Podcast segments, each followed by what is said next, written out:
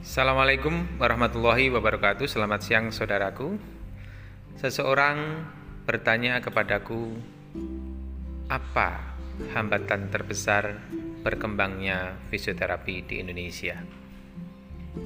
Jawabku sederhana: hambatan terbesar perkembangan fisioterapi di Indonesia adalah rasa takut dan rasa rendah diri. Terima kasih.